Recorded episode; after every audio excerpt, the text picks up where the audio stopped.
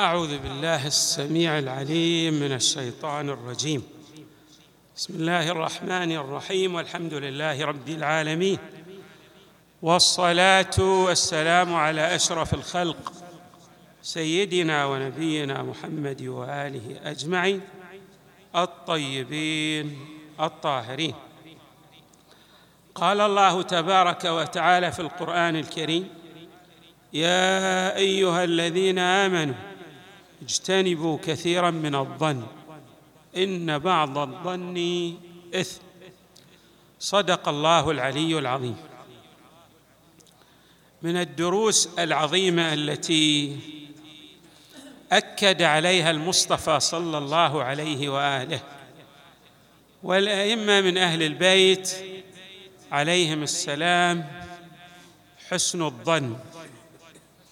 وهذا العنوان حسن الظن له قاعدة أساسية. هذه القاعدة تبتني اولا على حسن الظن بالله تبارك وتعالى بمعنى أن المؤمن لا بد أن يحسن ظنه بالله تعالى. فلا يرى إلا أن الله تبارك وتعالى قدر له ما فيه الخير لدنياه وأخراه. وقد ورد في هذا الشأن عن المصطفى صلى الله عليه وآله عجب لأمر المؤمن كل أمره إلى خير بمعنى أن الله تبارك وتعالى لا يكتب للمؤمن من النعم أو من الابتلاءات التي تمر عليه في الدنيا إلا ما يعود عليه بالخير الوفير. الإنسان نتيجة لنظرته المحدودة قد لا يدرك أبعاد الابتلاء الإلهي ولكن لو كشف له الغطاء كما في بعض الروايات لما اختار إلا ما قدره الله تبارك وتعالى له. ولهذا النبي صلى الله عليه وآله يؤكد على أمرين. الأمر الأول مسألة حسن الظن بالله تعالى. والأمر الثاني الذي يترتب عليه هو حسن الظن بالناس. حسن الظن بالناس والذي يترتب على حسن الظن بالله قاعدة من القواعد الاجتماعية الهامة بمعنى أن جميع الأمور الطيبة تترتب على حسن الظن بالناس. الإنسان الذي يحسن في ظنه بإخوانه المؤمنين بالناس كافة حتى بغير المؤمنين. وليس بمعنى السذاجة في التفكير. وأنك مثلا ماذا تحسن الظن بالسيئين؟ وإنما تحسن الظن بالناس الطيبين الخيرين الذين لا يظهر منهم إلا الخير.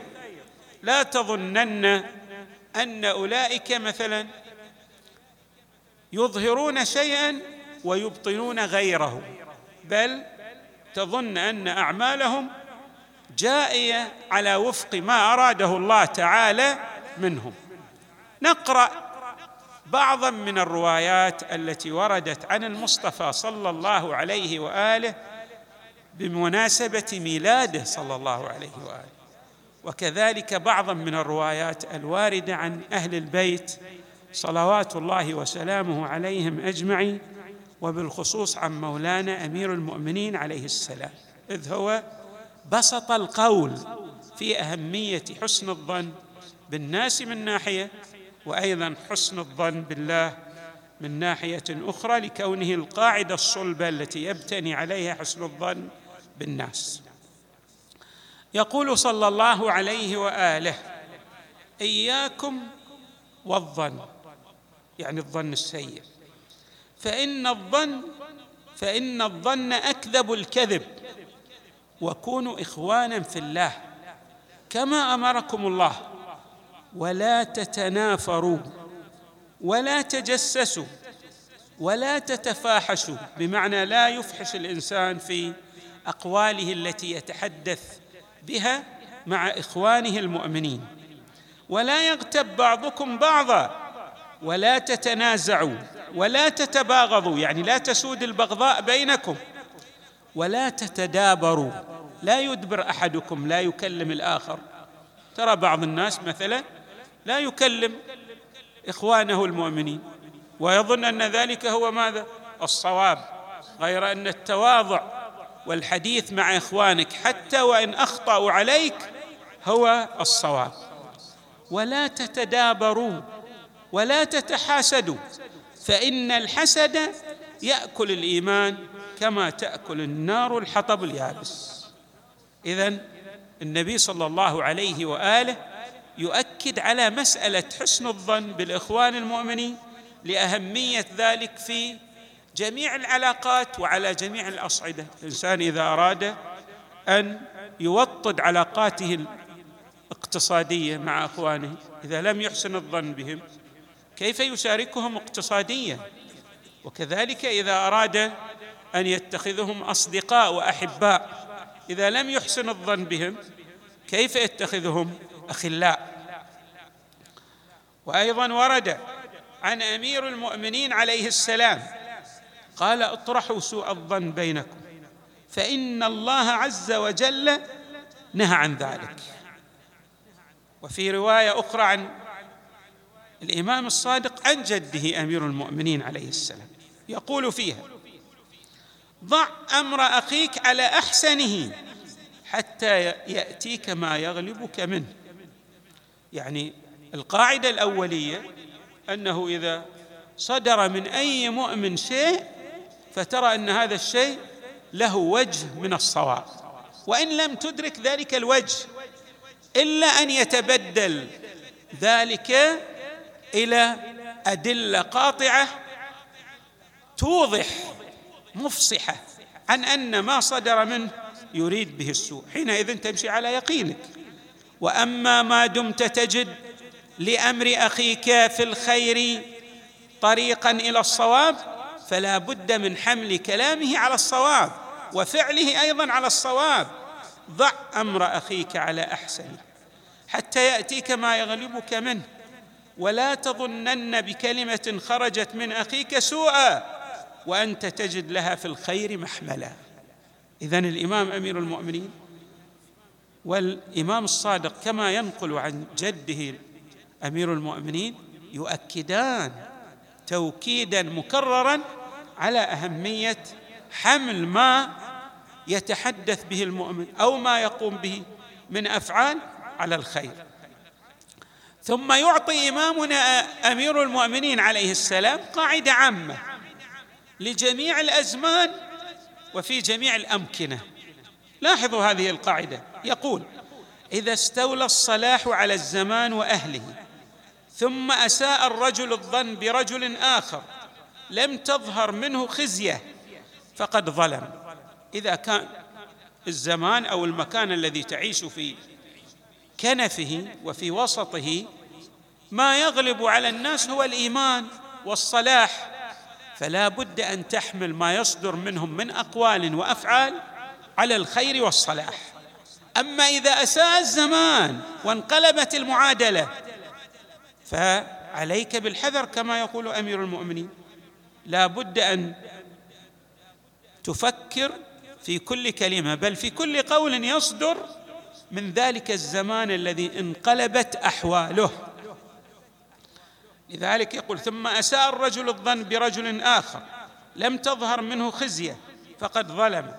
وإذا استولى الفساد على الزمان وأهله فأحسن الرجل. الظن بآخر برجل آخر فقد غرر بنفسه. شلون الإنسان يغر في تجارته فيخدع؟ الغرر هو الخديعة. كذلك أيضا إذا كان الزمان سيئا وأنت ظننت بالناس خيرا. في ذلك الزمان الذي يغلب فيه الفساد والجور والظلم فأنت هنا تخدع نفسك. وأيضا يقول إمامنا أمير المؤمنين عليه السلام في هذا الشأن فيما كتبه إلى ولده الحسن عليه السلام. مكتوب ولا يغلبن عليك سوء الظن فإنه لا يدع بينك وبين صديق صفحة. إذا الإنسان سيء الظن بإخوانه لن يصدر منه عفو عن عفو عن إخوانه.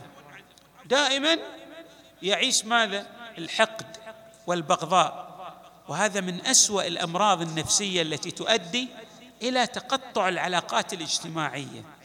الإنسان حري به أن يوطد علاقاته الاجتماعية بينه وبين إخوانه المؤمنين لأن هذا الوئام الاجتماعي يترتب عليه النمو المضطرد في كل مجالات الحياة. ولا يغلبن عليك سوء الظن فإنه لا يدع بينك وبين صديق صفحة. ما راح تصفح ما راح تعفو عن غيرك لأنك تظن أن ما يصدر منه دائما هو ما يسوءك. وأيضا عنه عليه السلام. إياك أن تسيء الظن فإن سوء الظن يفسد العبادة ويعظم الوزر لاحظوا الأثر؟ العبادة التي تصدر من الإنسان تحتاج إلى قلب سليم لأنه يحتاج أن يتقرب إلى الله. فإذا كان هذا الإنسان يسيء الظن بالله دائما هو منشغل بالغير دائما هو منشغل بتفكيره في الإساءات التي تصدر ظنا منه من لدن غيره. فلا يتوجه إلى الله ولا يقبل بقلبه إليه. وبالتالي لا تكون العبادة التي تصدر عنه ومنه مقربة له إلى الله. فيها ماذا؟ خدشه كما نعبر. نعم. فإن سوء الظن يفسد العبادة بعد ويعظم الوزر يعني إذا كان عليك هذا الإثم صغير ينقلب إلى إثم كبير. الوزر هو الإثم. وعن أمير المؤمنين عليه السلام قال شر الناس من لا يثق بأحد لسوء ظنه. هذا شيء سيء بالنسبة للإنسان أنك ترى كل الناس من السيئين الذين يريدون أن يسيئوا إليك. الأمر ليس كذلك. قد يكون في قد يكون في الناس بعض من الذين نواياهم سيئة وأنت لا تعرف هؤلاء. ولكن القاعدة العامة أن تحمل الجميع كما مر علينا في الحديث إذا كثر الخير في الزمان وأهله عليك أن يكون الظن من الظن الحسن. شر الناس من لا يثق بأحد لسوء ظنه ولا يثق به أحد لسوء فعله. وأيضا ورد في مسألة العذاب الإلهي يعني أن الأمر في سوء الظن لا يتعلق بالنمو في العلاقات الاقتصادية والاجتماعية والصحة النفسية للإنسان بل أيضا يتعدى ذلك إلى عوالم الغيب في الآخرة وعند الحساب وفي درجات الإنسان في جنات العلا. يقول إمامنا أمير المؤمنين عليه السلام لا يعذب الله مؤمنا بعد الإيمان إلا بسوء ظنه. بالله وبالناس. وبعد وسوء الخلق. إنسان. وهذا سوء الخلق قد يكون في بعض الأحايين يترتب على سوء الظن.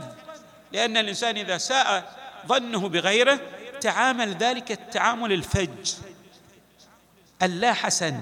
فتسوء أخلاقه ويسوء فعله أيضا تجاه الغير. نسأل الله تبارك وتعالى أن يجعلنا مع المصطفى صلى الله عليه وآله ومع أهل بيته الأبرار النجباء والحمد لله رب العالمين وصلى الله وسلم وزاد وبارك على سيدنا ونبينا محمد وآله أجمعين الطيبين الطاهرين.